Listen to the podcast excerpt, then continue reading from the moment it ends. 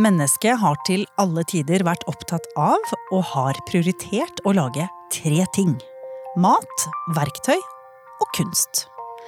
Hva er det som gjør at kunst er så viktig for mennesket?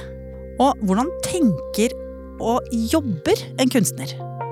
Hver gang staten bygger noe, settes det av penger til kunst. KORO, Kunst i offentlig rom, gir også ut prosjektmidler man kan søke på hvis man har en god idé. Koros kunst befinner seg på steder der folk ferdes og oppholder seg. I USAs hovedstad Washington DC ligger den norske ambassaden, og her fikk kunstner Eline Mugås i oppdrag å lage et kunstverk. Ja, utgangspunktet for det er en serie med det jeg kaller for lesestener. Så jeg har vært interessert i hvordan man med, med objekter kan undersøke strukturelle spørsmål som på en måte ikke har en form da, på den måten, eller ikke er så lett å peke på. Mm. Og Så kan du ta et enkelt objekt og så kan du peke på de tingene gjennom det objektet. Dolven tar ofte utgangspunkt i sine egne erfaringer, og ikke minst omgivelsene rundt seg når hun lager kunst. Og det er Dolven som står bak kunstverket Untuned Bell. Utgangspunktet var egentlig at jeg ble invitert den gangen av Nasjonalmuseet og gjøre noe på Tullinløkka. Det stedet har jo bare vært kaos av prosjekter som aldri har blitt noe av. Ja. Og så har du de store bygningene på hver side, så tenkte jeg eneste som er på plass her, er jo himmelen. Jeg vil gjøre noe i himmelen.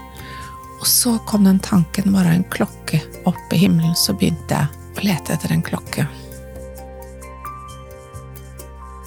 I underetasjen på Campus Bergen, Høgskolen på Vestlandet, finner denne studenten plutselig en 60 meter lang eventyrskog.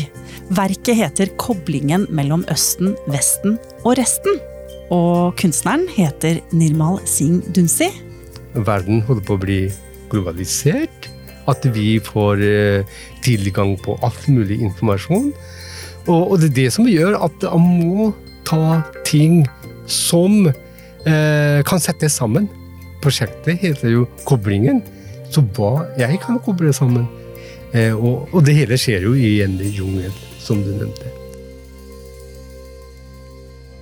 På Ørland ligger Luftforsvarets viktigste base. Inne på denne basen ligger det et kapell.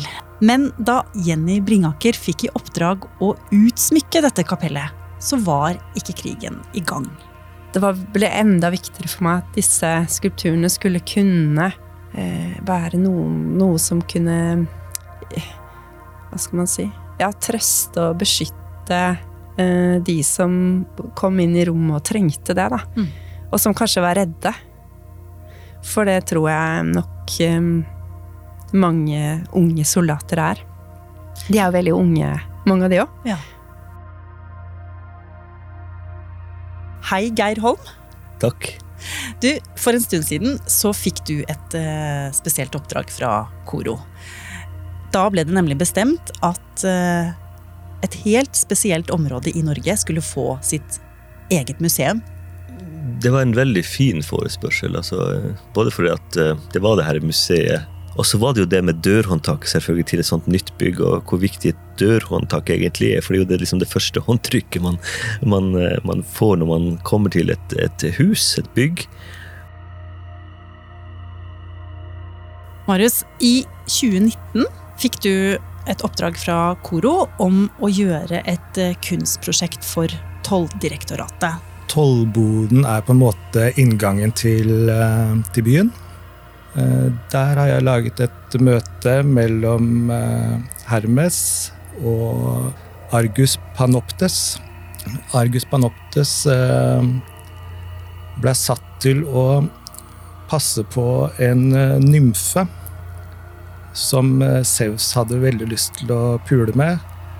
Og Hera ville på ingen måte at han skulle se noe andre sted på henne. Mm. Eh, Hermes blir sendt av sin far Sevs eh, til å ordne opp i dette. Jeg kunne ikke ha en som passer på, på det som var hans begjær.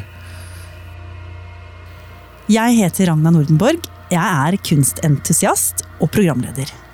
Dette er Verksted.